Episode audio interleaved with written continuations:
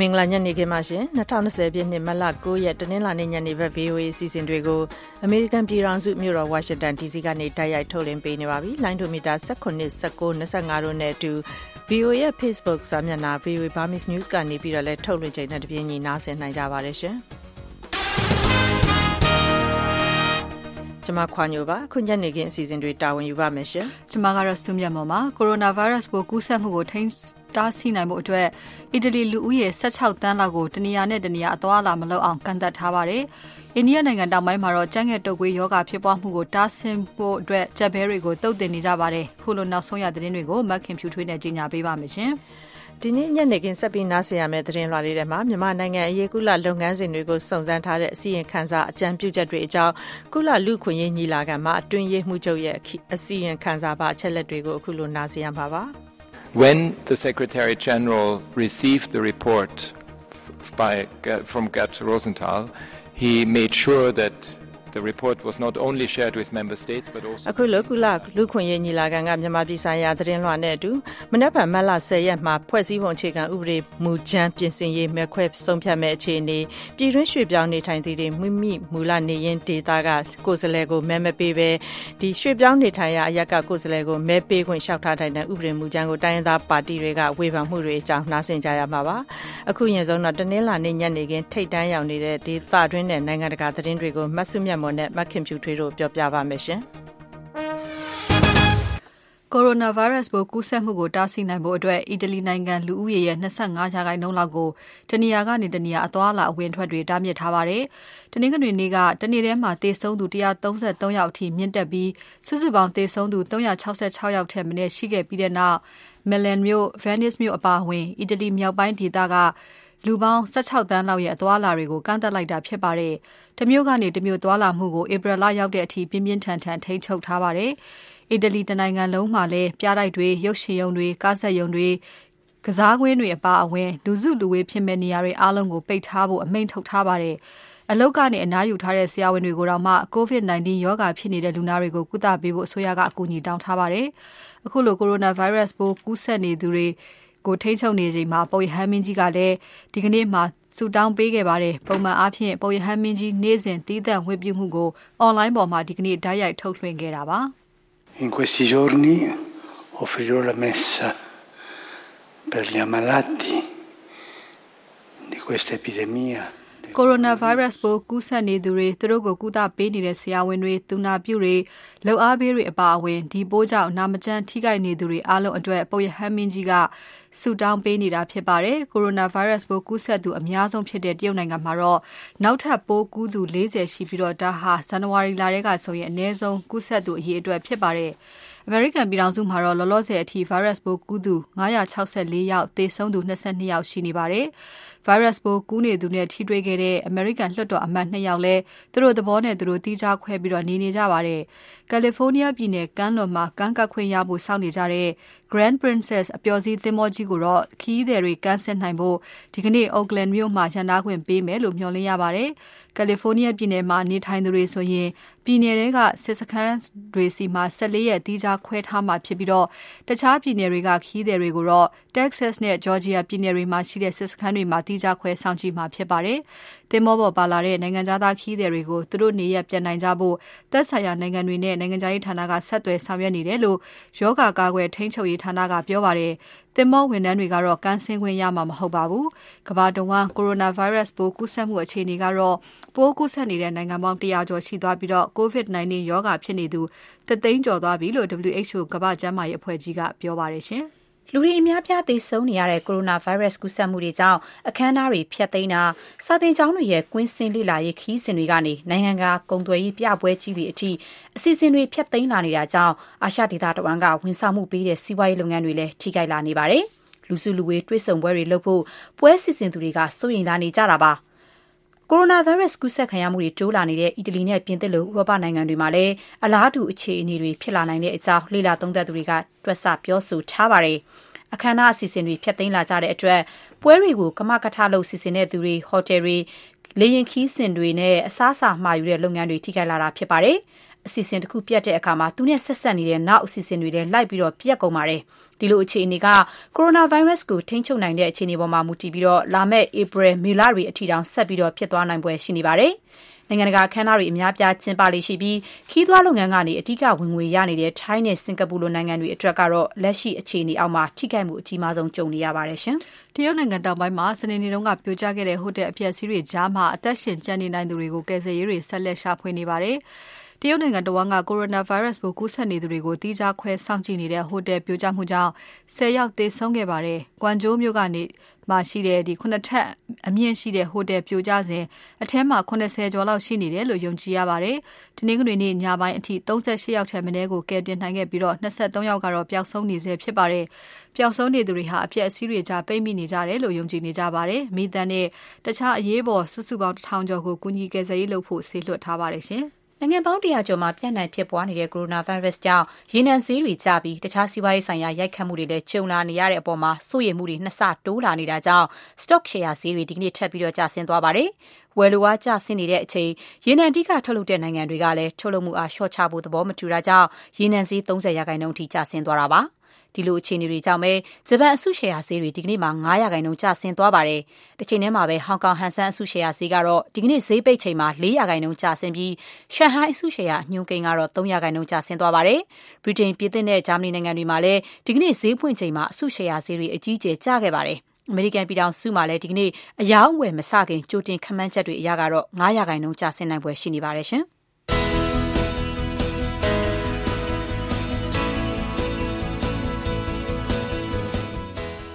VOA အမေရိကန်အသံညနေဘက်မြန်မာဘာသာအစီအစဉ်တွေကိုညနေ6နာရီခွဲကနေညနေ9နာရီထိလိုင်းဒိုမီတာ7 kHz 10683ညလိုင်းဒိုမီတာ19 kHz 15563ညလိုင်းဒိုမီတာ25 kHz 11965တို့ကနေပြီးထုတ်လွှင့်ပေးနေပါတယ်ခင်ဗျာ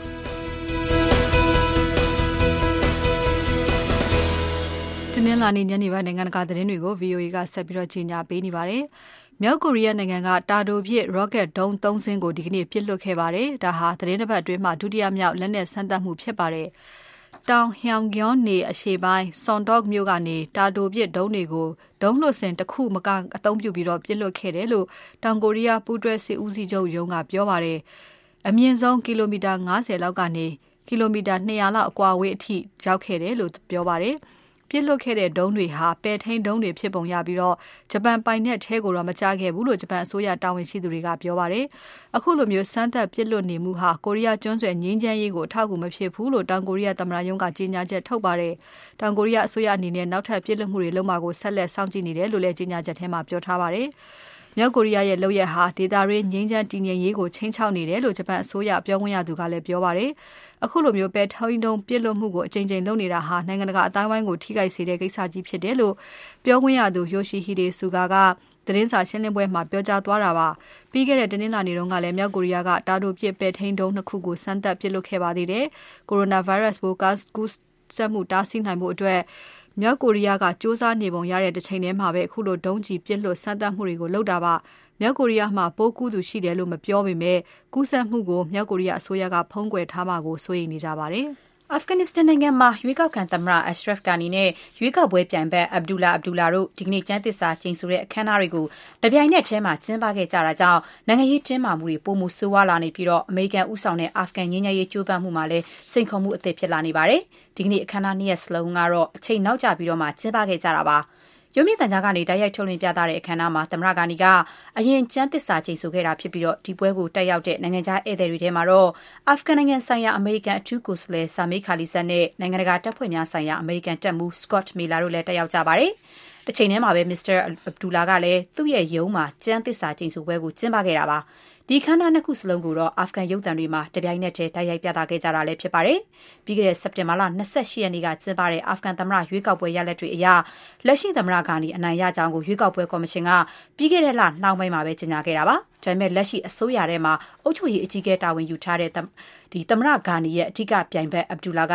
ဒီရွေးကောက်ပွဲရလဒ်ကို လက်မခံဘဲ သူနဲ့ သူ့အဖွဲ့သားအနိုင်ရကြောင်း ကြေညာပြီးတော့အစိုးရအဖွဲ့ ဖွဲ့စည်းမဲ့အကြောင်းကိုလည်း သတိပေး ပြောဆိုခဲ့တာ ဖြစ်ပါတယ်။ ဒါကြောင့်အခုလိုသမ္မတအဖြစ်ကျန်းသစ္စာကျိန်ဆိုပွဲတွေကိုလည်းတပြိုင်နက်တည်းကျင်းပခဲ့ကြတာပါရှင်။အိန္ဒိယနိုင်ငံတောင်ပိုင်းမှာကြက်ငှက်တုပ်ကွေးရောဂါဖြစ်ပွားမှုကိုတားဆီးနိုင်ဖို့တတိယနေ့အဖြစ်ချက်ဘဲတွေကိုတုတ်တင်ခဲ့ကြပါတယ်။ Kerala ပြည်နယ်မှာအခုလိုတုတ်တင်ရှင်းလင်းမှုကိုတနင်္ဂနွေနေ့ကစတင်နေတာပါ။ပြည်နယ်အစိုးရအနေနဲ့ယောဂါကို ဇစ်မြစ်ကိုရှင်းနိုင်ဖို့ဆုံးဖြတ်ဆောင်ရွက်နေတာဖြစ်တယ်လို့ Kerala ပြည်နယ်တိမွေးကုနဲ့တရိษံလိလာရေးသိပ္ပံကလက်ထောက်ပါမောက္ခ Abdul Munia က Reuters သတင်းဌာနကိုပြောပါတယ်။ယောဂထိန်းချုပ်ဆောင်ရွက်ရေးအရ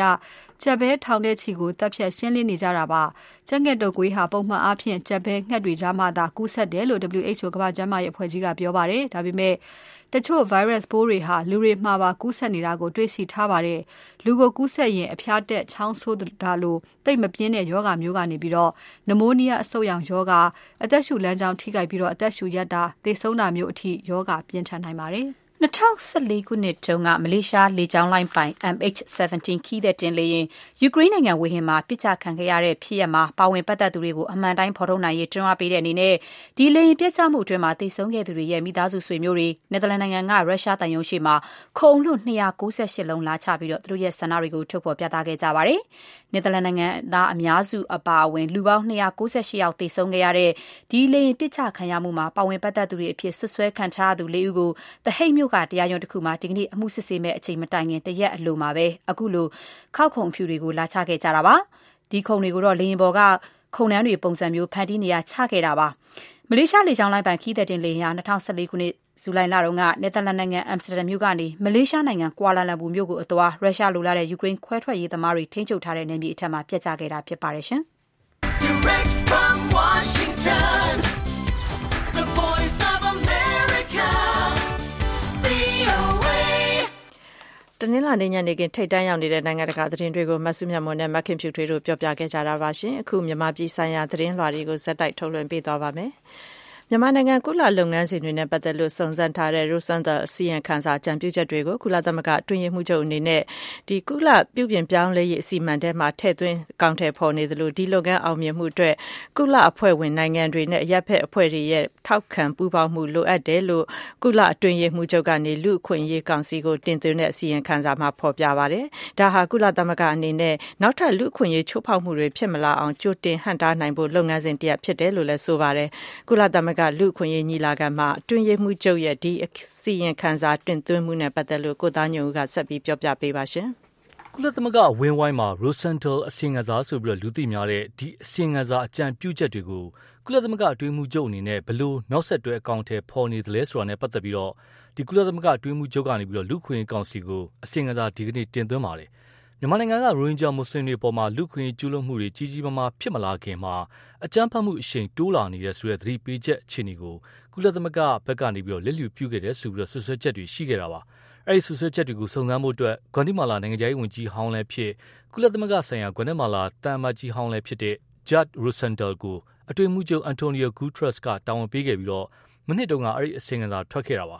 ဒီအစီအစဉ်ထဲမှာတော့ မြန်မာနိုင်ငံတွင်းက ကုလသမဂ္ဂယန္တရားရဲ့ ဆောင်ရွက်မှုအစိတ်ပိုင်းတွေကို ဝေဖန်ထားပြီးတော့မအောင်မမြင်ဖြစ်ခဲ့တာတွေကို ထောက်ပြပါတယ်။နောက်ကုလသမဂ္ဂအေဂျင်စီတွေကြား အားပြိုင်မှု မြန်မာအစိုးရနဲ့ဆက်ဆံမှုပြည်ပခဒေသက အချက်လက်တွေနဲ့ပတ်သက်လို့ သုံးသပ်တင်ပြမှု ဒါတွေကို လေ့လာသုံးသပ်ပြီးတော့အကြံပြုချက်တွေ ထုတ်ပေးခဲ့ပါတယ်။ ဒီအကြံပြုချက်တွေအတိုင်းကုလသမဂ္ဂရဲ့လုပ်ငန်းတွေတာဝန်ယူတာဝန်ခံမှုရှိလာစေဖို့အတွက်ပြင်ဆင်ဆောင်ရွက်နေပြီဖြစ်တယ်လို့အတွင်းမှုချုပ်ကူစားဒီကုလသမဂ္ဂလက်ထောက်အတွင်းမှုချုပ်တူဖြစ်တဲ့ Volker Turk ကလူခွင့်ရေးကောင်စီကိုဒီကနေ့မှရှင်းပြသွားပါတယ် The reforms that the Secretary General has put in place have actually helped the UN system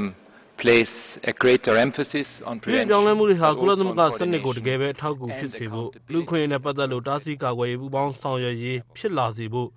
ကုလဌာနချုပ်မှာရော မြေပြင်အနေအထားတွေမှာပါ တာဝန်ယူ တာဝန်ခံမှုတွေ ဖြစ်လာစေဖို့ အတွင်းရေးမှူးချုပ်အနေနဲ့ ပြင်ဆင်ဆောင်ရွက်နေပါတယ်။ကုလသမဂ္ဂအဖွဲ့အတွင်း ပြင်ဆင်ပြောင်းလဲမှုတွေလုပ်ရမှာ စနစ်အရရော ဖွဲ့စည်းပုံအရပါ တိုးတက်ကောင်းမွန်လာဖို့ဖြစ်တယ်လို့ပဲဒါဟာ နိုင်ငံတကာနိုင်ငံတည်းအတွက် ရည်ရွယ်တာမဟုတ်ဘဲနဲ့နိုင်ငံအရရက်က ကုလသမဂ္ဂစနစ်အားလုံးအတွက် ရည်ရွယ်ပြီးတော့လူခွင့်ရေးချိုးဖောက်မှုတွေကို ဟန်တားနိုင်ဖို့ဖြစ်တယ်လို့ လက်ထောက်အတွင်းမှုချုပ်က ရှင်းပြပါတယ်။ဒီအတွက်လည်း ပူးပေါင်းဆောင်ရွက်မှုတွေလုပ်ဖို့ဆိုပြီးတော့ဖိတ်ခေါ်ပါတယ်။ But it's also clear that the UN and the system alone cannot do it on its own. We will need ဒေတာရာကတော့ဒီလိုပြည်ပြောင်းလဲမှုတွေကိုကုလသမဂ္ဂစနစ်တစ်ခုတည်းကလုပ်လို့မရပါဘူး။ဖွဲ့ဝင်နိုင်ငံတွေနဲ့ရပ်ဖက်အဖွဲ့အစည်းတွေရဲ့ထောက်ခံကူညီမှုလိုပါတယ်။မြန်မာကိုယ်စားလှယ်တမ္မကြီးဦးကျော်မိုးထွန်းကတော့ဒီကုလသမဂ္ဂရဲ့စင်ကန်စာတွေဟာတိကျမှန်ကန်ဖို့တမတမကြဖို့လိုအပ်တယ်ဆိုတဲ့အချက်တွေကိုပြန်ထောက်ပြပါတယ်။ အခုအစင်ကန်စာထဲမှာအာဆာဖွဲ့တိုက်ခိုက်တဲ့ ရဲစခန်းအရေးအတွက်ဟာ3ဖြစ်နေပြီးတော့အမှန်တကယ်က30ဖြစ်တယ်ဆိုတာကို သူက ပြန်ရှင်းပါတယ် ဒါမျိုးဟာအကြမ်းဖက်လုပ်ရက်တွေကိုမှိမ့်မိန်မှုဖြစ်စေတယ်ဆိုပြီးတော့ထောက်ပြသွားပါတယ်။ဒါ့အပြင်ကုလသမဂ္ဂလုပ်ငန်းတွေဟာသက်ဆိုင်ရာတိုင်းပြည်တွေနဲ့ပူးပေါင်းဆောင်ရွက်ပြီးတော့သက်ဆိုင်ရာတိုင်းပြည်အစိုးရရဲ့သဘောထားနဲ့အညီလိုအပ်ချက်တွေကိုဖြည့်ဆည်းကူညီပေးဖို့ဖြစ်တယ်ဆိုပြီးတော့ဦးကျော်မိုးထွန်းကထောက်ပြပါတယ်။ဒီအတွက်ကြောင့်လဲကုလသမဂ္ဂရဲ့လုပ်ငန်းတွေဟာလိုအပ်ချက်ပေါ်တည်တဲ့ဆောင်ရွက်မှုတွေဖြစ်တဲ့လို့သူကဆိုပါတယ်။ We would like to stress that ကုလသမဂ္ဂဌာနေကိုယ်စားလှယ်နဲ့ကုလသမဂ္ဂဌာနေရုပ်လုပ်ငန်းတွေဟာလိုအပ်ချက်တွေအပေါ်မှာတည်သင့်ပါတယ်။အလူရှင်တွေရဲ့လိုအပ်ချက်အတိုင်းမဖြစ်သင့်ပါဘူး။ ရိုဟင်ဂျာသုံးလုံးကိုလက်မခံတဲ့မြန်မာအစိုးရအနေနဲ့ကတော့ဒီရိုဟင်ဂျာရေးနဲ့ပတ်သက်ပြီးတော့ကုလသမဂ္ဂအစီအံစာအများစုဟာတမာတမတ်မကြဘူးလို့ယူဆထားတာဖြစ်ပါတယ်။လက်ထောက်တွင်းမှုချုပ်ကတော့အခုဒီ Rosendal အစီအံစာရရချင်းပဲကုလသမဂ္ဂအတွင်းမှုချုပ်အနေနဲ့တွစ်ဆုံဆွေးနွေးမှုတွေကိုလုပ်ပြီးတော့ပြည်ပြင်ပြောင်းလဲရေးတွေအတွက်ပြင်ဆင်ခဲ့တယ်လို့ဆိုပါတယ်။ When the Secretary General received the report by from Gert Rosenthal တွင်းမှုချုပ်အနေနဲ့ဒီစင်ခံစာကိုလက်ခံရရှိတဲ့အချိန်မှာဒီစင်ခံစာကိုဖွဲ့ဝင်နိုင်ငံတွေနဲ့မကဘဲကုလသမဂ္ဂအတွင်းမှာပဲဖြန့်ဝေခဲ့ပါတယ်။အဲဒီနောက်ကုလသမဂ္ဂစီမံခန့်ခွဲမှုဆိုင်ရာကြီးတန်းအရာရှိတွေကိုရောသူ့အမှုဆောင်အရာရှိတွေကြားမှာပါစစ်မြင့်တာဝန်ရှိသူတွေပါတဲ့အစည်းအဝေးတွေခေါ်ယူခဲ့ပါတယ်။ဒီစင်ခံစာနောက်ဆက်တွဲဘယ်လိုအရေးယူဆောင်ရွက်မလဲဆွေးနွေးကြတာပါ။ သုံးသက်ချက်တစ်ခုကတော့ကုလသမဂ္ဂအတွင်းမှုချုပ်ရဲ့ပြည်ပြင်ပြောင်းလဲရေးအစီအမံတွေထဲမှာဒီအစီရင်ခံစာပါအကြံပြုချက်တွေကိုပါထည့်သွင်းစဉ်းစားသွားဖို့ပါ။ဒါကြောင့်ဒီအစီရင်ခံစာကအင်မတန်အရေးကြီးပါတယ်။ဒါကြောင့်လည်းပဲကုလသမဂ္ဂဌာနေကိုယ်စားလှယ်စနစ်ကိုပြန်လည်သုံးသပ်နေပြီးတော့မကြခင်မှာတော့ဌာနေကိုယ်စားလှယ်တွေနဲ့ဌာနေရုံးတွေကိုကုလသမဂ္ဂအတွင်းမှုချုပ်ရဲ့လမ်းညွှန်ချက်သစ်တွေထုတ်ပြန်ပေးဖို့ရှိတယ်လို့ဆိုပါတယ်။ဒီနေရာမှာကုလသမဂ္ဂတာဝန်ရှိသူတွေအနေနဲ့လူခွင့်ရေးနဲ့ပတ်သက်ပြီးတော့နားလေကျွမ်းကျင်မှုဆိုတာကိုအလေးပေးထားတယ်လို့ပြောပါတယ်။ အခုဒီကုလသမဂ္ဂအတွင်းမှုချုပ်ရဲ့အစီအံစာအပေါ်မှာအဖွဲ့ဝင်နိုင်ငံတွေကပြန်လည်သုံးသပ်ဆွေးနွေးတဲ့နေရာမှာတော့အနောက်နိုင်ငံအများစုကတော့ဒီ Rosendal အစီအံစာနဲ့အတွင်းမှုချုပ်အစီအံစာကိုကြိုဆိုလက်ခံကြပါတယ်။တရုတ်နဲ့မြန်မာအိန္ဒိယနိုင်ငံချို့ကတော့ရိုဟင်ဂျာရေးနဲ့ပတ်သက်ပြီးတော့အိန္ဒိယဘင်္ဂလားဒေ့ရှ်နဲ့ချုပ်ဆိုထားတဲ့သဘောတူညီချက်ကိုအကောင့်ထဲဖော်ရေးကိုပဲအဓိကထောက်ပြပြောဆိုခဲ့ကြပါတယ်ခင်ဗျာ။ကိုသားညုံပြောပြသွားတာပါရှင်။ အခုတခါတော့ဒီဖွဲ့စည်းပုံဥပဒေပြင်ဆင်ရေးဘက်ကိုအလှည့်ပေးခြင်းပါတယ်ဖွဲ့စည်းပုံအခြေခံဥပဒေပြင်ဆင်ရေးမူချမ်းတွေကိုပြည်ထောင်စုလွှတ်တော်မှအပြန်အလှန်တင်းတင်းမာမာဆွေးနွေးနေကြတာမှာမတ်လ10ရက်မနေ့ဖန်မှာတော့မဲခွဲမှုတွေစတင်မှာဖြစ်ပြီးဥပဒေကြမ်းအားလုံးမဲခွဲဖို့အတွက်အချိန်9ရက်ကြာမယ်လို့သိရပါတယ်။ဥပဒေကြမ်းဘယ်နှခုလောက်သဘောတူပြင်ဆင်နိုင်မလဲ။ဖွဲ့စည်းပုံပြင်ဆင်ရေးအတွက်လွှတ်တော်ကိုယ်စားလှယ်တွေဘက်ကဘယ်လောက်အထိမျှော်လင့်ထားသလဲဆိုတာမမေခကစုံစမ်းတင်ပြထားပါတယ်ရှင်။ လာမယ့်မဲလ10ရက်နေ့မနက်ဖြန်ကစလို့ပြည်ထောင်စုလွှတ်တော်မှာ2008ဖွဲ့စည်းပုံအခြေခံဥပဒေပြင်ဆင်ရေးဆိုင်ရာဒုတိယအကြိမ်ပြင်ဆင်တဲ့ဥပဒေမူကြမ်းကဥပဒေတွေကိုမဲခွဲဆုံးဖြတ်တာတွေလုပ်သွားတော့မှာပါ။ဥပဒေပုံမှန်၃ခုကျော်နှုန်းနဲ့၉ရက်ကြာမဲခွဲဆုံးဖြတ်သွားဖို့လှုံ့ဆော်ထားတယ်လို့ရခိုင်မျိုးသားပါတီကပြည်သူ့လွှတ်တော်ကိုယ်စားလှယ်ဦးဖေတန်းကပြောပါတယ်။ဟိုပြင်ဆင်ချက်က9ဆောင်ရှိတယ်။10ရက်နေ့ကနေပြီးတော့ဒီအပတ်မှာဆိုရင်၄ရက်ရမယ်။ဒါပထမပိုင်း 436ကာကြီးအပိုင်းပြီးမှာပေါ့။နောက်တစ်ပတ်မှာဆိုရင်တော့ကျွန်တော်တို့9ရက်ရတယ်။အဲ436ခါခွေအပိုင်းပြီးမယ်အကုန်လုံး9ရက်ပေါ့နော်မဲလက်မှတ်လည်း9ဆောင်ဖြစ်တယ်အတည်ပြုမဲ့ကဏ္ဍလည်း9 9ခုပေါ့မဲလက်မှတ်တစ်ဆောင်မှာ10ချက်ပါခြင်းပါမယ်15ချက်ပါခြင်းပါမယ်အဲ့လိုမျိုးပေါ့သက်ဆိုင်ရာသက်ဆိုင်ရာအလိုက်ပေါ့ ဥပဒေကြမ်းနှစ်ခုလုံးအတွက်လှုပ်ဝက်ဆန္ဒမဲ၉ချိန်ပေးဖို့အပါအဝင်မဲခွဲဆုံးဖြတ်မှုလှုပ်ဆောင်တာမှာနိုင်ငံတော်သမ္မတနဲ့ဒုတိယသမ္မတများရွေးချယ်တင်မြှောက်ပွဲလုပ်ခဲ့စဉ်ကအတိုင်းဆန္ဒမဲအသုံးပြုပြီးလှုပ်ဝက်စွာဆန္ဒပြုတဲ့နီလန်းနဲ့ဆောင်ရွက်သွားမယ်လို့ပြီးခဲ့တဲ့ရက်ပိုင်းကပြည်ထောင်စုလွှတ်တော်နာယကဦးတီခွန်မြတ်ကပြောဆိုထားပါတယ်။ပြီးခဲ့တဲ့ဖေဖော်ဝါရီ25ကနေမတ်လ9ရက်နေ့အထိပြင်ဆင်ရေးနဲ့ပတ်သက်လို့လွှတ်တော်တွင်အကြိတ်အနယ်ဆွေးနွေးခဲ့ကြတာပါ။436ကနဲ့ 436ခဆိုပြီးပြင်ဆင်တဲ့ဥပဒေကြမ်းနှစ်ခုတင်ထားတာမှာပြင်ဆင်မဲ့ပုံမှ138ချက်ကို10ရက်ကြာဆွေးနွေးခဲ့တာဖြစ်ပါတယ်။ဖွဲ့စည်းပုံပြင်ဆင်ရေးမှာအဓိကအဟန့်တားဖြစ်နေတယ်လို့ဝေဖန်ခံနေရတဲ့တက်မတော်ဘက်က NLD ပါတီဘက်ကတင်ပြလာတာတွေကိုပြင်းပြင်းထန်ထန်ကန့်ကွက်ခဲ့သလို NLD ပါတီဘက်ကလည်းတက်မတော်နဲ့ပြည်ခိုင်ဖြိုးတင်လာတာတွေကိုကန့်ကွက်မှုကြီးကြီးမားမားလုပ်ခဲ့တာမို့ ဒီတစ်ခေါက်ဖွဲ့စည်းပုံပြင်ဆင်ရေးကနိုင်ငံအတွက်ထိရောက်မဲ့ဥပဒေတွေပြင်ဆင်နိုင်ဖို့ခက်တဲ့အပြင်ဘယ်တစ်ချက်ကိုမှမပြင်နိုင်ပဲပြီးလေမလားလို့မှတ်ချက်ပေးတာတွေလည်းရှိနေခဲ့ပါတယ်။ NLD ပါတီအမျိုးသားလွှတ်တော်ကိုယ်စားလှယ်ရှေ့နေတဦးဖြစ်တဲ့ဦးအောင်သိန်းကတော့သူတို့ပါတီတင်လာတဲ့ဖွဲ့စည်းပုံပြင်ဆင်ရေးဘလောက်အောင်မြင်မယ်ဆိုတာနဲ့ပတ်သက်လို့ခုလိုပြောဆိုသွားခဲ့ပါတယ်။အဲအရေးကြီးတာမပြင်နိုင်ဘူးဆိုတော့အဲဒီတို့ဒီခမန်းပြောဆိုချက်တော့ အမှန်ကောင်းမှန်နိုင်တာပေါ့နော်။ဒါပေမဲ့ပြင်နိုင်တဲ့အတိုင်းအတာတွေတော်တော်များများပြင်သွားမှာပဲ။အဓိကကီးဟွာတွေကတော့ရဖို့ခက်ခဲဖြစ်နိုင်ပါတယ်အဲ့ဒီကတော့အဖြေကဘယ်လိုထွက်လာမလဲဆိုတော့ပြောလို့မရဘူးတော့ပြောရခက်တယ်လေဘယ်ကကျုပ်ပဲမဲပေးရဆိုတော့သူကကလူရကိုရှိ ကိုဘက်ကိုကြိုက်ပြီးတော့မဲပေးနေပေးနိုင်မှာပေါ့ကိုဒီဘက်ကလူကသူဘက်ကပြောတာကြိုက်ပြီးမဲပေးပေးနိုင်မှာပေါ့နော်ကျွန်တော်တို့အဲ့ဒါကိုဘယ်လိုဒီပြောလို့လို့ထားလဲဆိုတာတော့အညုံနဲ့ပြောခဲ့လွှတ်တော်တွင်ဖွဲ့စည်းပုံအခြေခံဥပဒေပြင်ဆင်ရေးလုပ်ငန်းစဉ်နဲ့ပတ်သက်ပြီးချင်းပြည်နယ်မဲဆန္ဒနယ်9ကပူးခင်ကန်းလျံကတော့ပြင်ဆင်နိုင်ရေးအတွက်မျှော်လင့်ချက်မဲ့နေတယ်လို့ပြောဆိုလိုက်ပါတယ်။တာကြီးရောခခွဲပါတိတ်ရောမလွယ်လောက်ဘူးထင်တယ်လေ။ အဲ့ဒါလဲတမတော်သား ကိုယ်စလေများလက်ထဲမှာပဲ ရှိတာကိုသူတို့ သူတို့ short ပြင်းမှာပဲ ပြင်လို့ရမယ်ထင်တယ်။အများစု NLD လည်းမခံဘူးဆိုရင်လည်း ဒါ ပြင်လို့ရမှာတော့ မဟုတ်ပြန်ဘူး။ဟုတ်ကဲ့ မျှော်လင့်ချက်တော့ မကြီးမှာပါဘူး။ရှိရှိတော့ရှိရှိလိမ့်မယ် ဒါပေမဲ့ နိုင်ငံတော်အတွက် တကယ်တမ်း အလုပ်လုပ်ရတဲ့ အနေအထား ပုံမှန်မျိုးပြင်နိုင်မှာတော့ မဟုတ်ဘူးထင်တယ် ကျွန်တော်ထင်တယ်။ပြင်ဆင်ရေးလုပ်ငန်းစဉ်နဲ့ ပတ်သက်တဲ့ ရည်ရွယ်ချက် ပျောက်နေတာမို့ အများကြီးမျှော်လင့်ဖို့မရှိသလိုအစိုးဆုံးကိုကြိုတင်ပြင်ဆင်ထားဖို့တတိပေးလာသူကတော့နိုင်ငံရေးလေးလာတုံသက်သူဒေါက်တာရံမျိုးသိမ်းပါဒီဖွဲ့စည်းပုံအခြေခံဥပဒေပြင်ဆင်ရေးမှာသူကစုံမက်ပြောင်းနေတယ်ပေါ့နော်အဲ့တော့အဓိကအဆုံးဖြတ်ပေးမယ်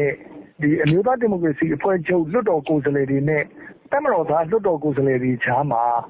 နော်စုံမက်ပြောင်းနေတဲ့ရွေးတော့နော်ပြင်ဆင်ရေးကနော်ဟို ထိရောက်အလုပ်ဖြစ်ပြီးတော့ အကောင့်ထဲပေါ်လာနိုင်ဖို့ထဲရင်းနေမယ်လို့ မြင်တယ် အကောင်းဆုံးကိုလည်း မျှော်လင့်ထားပြီးတော့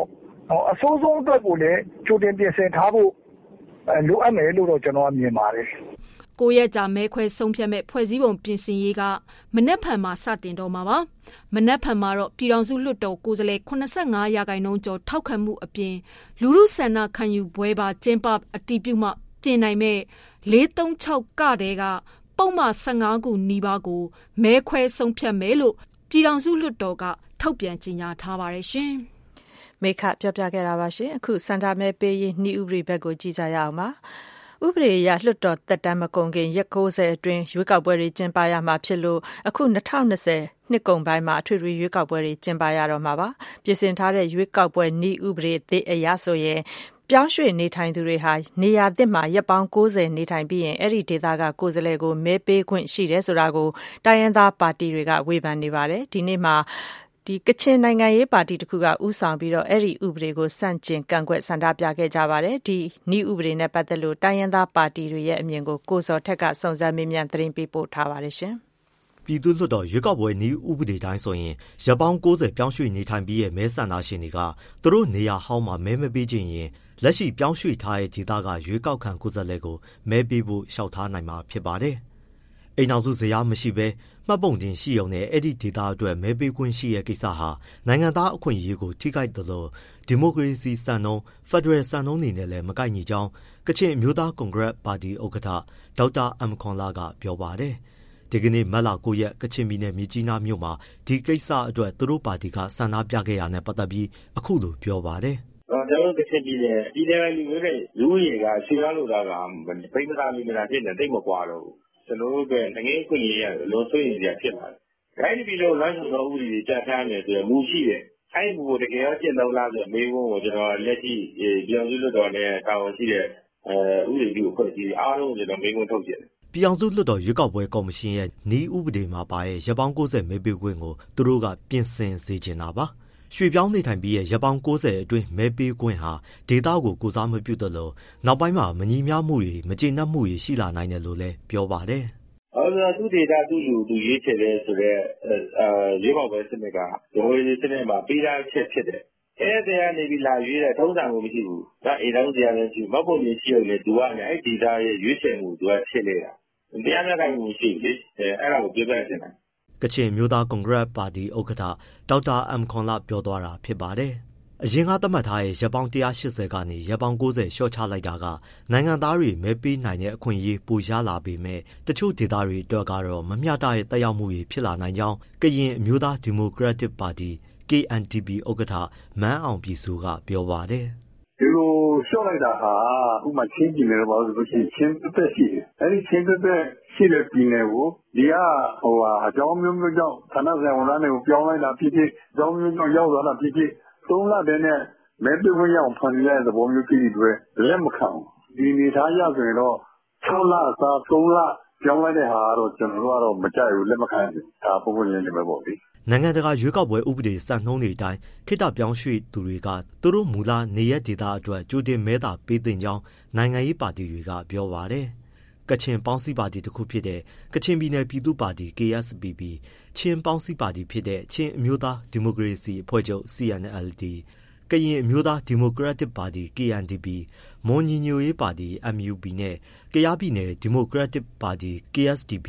ဒီပါတီက ခေါင်းဆောင်တွေဟာ2019ဒီဇင်ဘာလောက်ကစပြီး ဒီကိစ္စကို ဆွေးနွေးခဲ့ကြပါတယ်။ပြည်အောင်စု ရွေးကောက်ပွဲကော်မရှင်က2019အောက်တိုဘာ3ရက်မှာ အမိန့်အမှတ်55မြင်းဆောင်2019နဲ့ ပြည်အောင်စုတဆင့်ခံဥပဒေဖြစ်တဲ့ ပြည်သူ့လွှတ်တော် ရွေးကောက်ပွဲ နည်းဥပဒေကို၅ကြိမ်မြောက် ပြင်ဆင်ခဲ့ပြီး ပုံမှန်30မှာပါတဲ့ အနည်းဆုံး ရက်ပေါင်း180ထက်မနည်းဆိုတဲ့ စာသားနေရာမှာ ရက်ပေါင်း90ဆိုတဲ့ စာသားကို ပြင်ဆင်ခဲ့ရဖြစ်ပါတယ်။ 2020ရွေးကောက်ပွဲကိုဝင်ပြိုင်မဲ့နိုင်ငံရေးပါတီကတရားဝန်းကျင်ရှိပြီး အဲ့ဒီထဲမှာ တိုင်းရင်းသားပါတီက90ကျော်ရှိပါတယ်။မဲပေးခွင့်ရှိရဲ့ အခြေခံလူဦးရေ စာရင်းကတော့တန်း40နီးပါးရှိပါတယ်။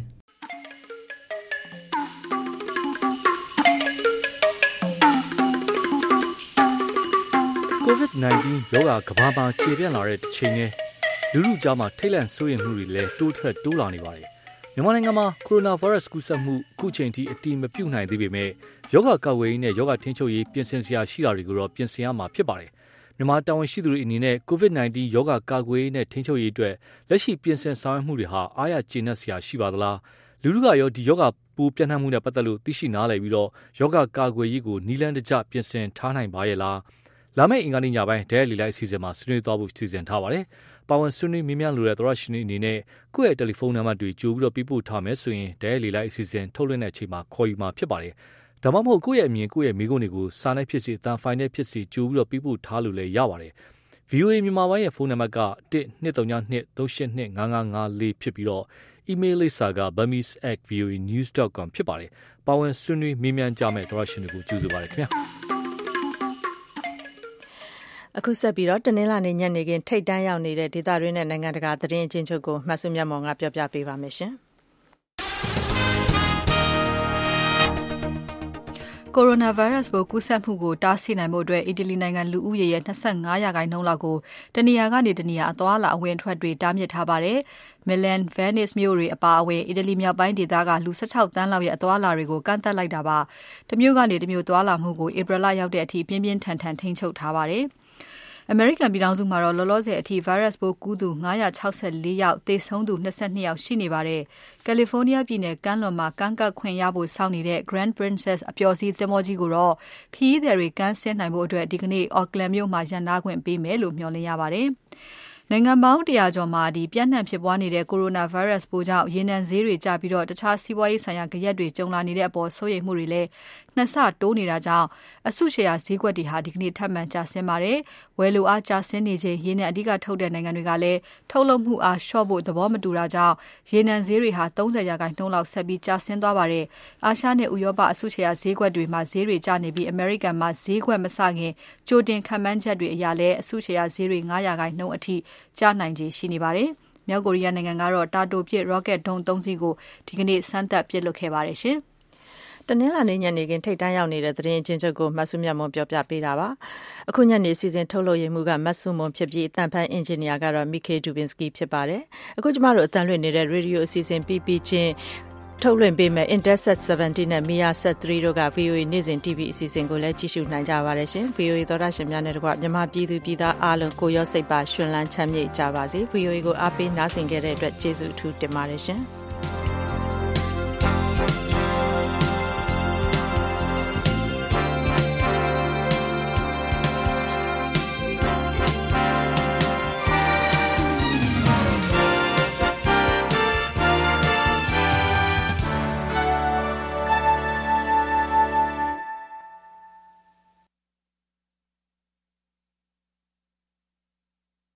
This program has come to you from the Voice of America, Washington.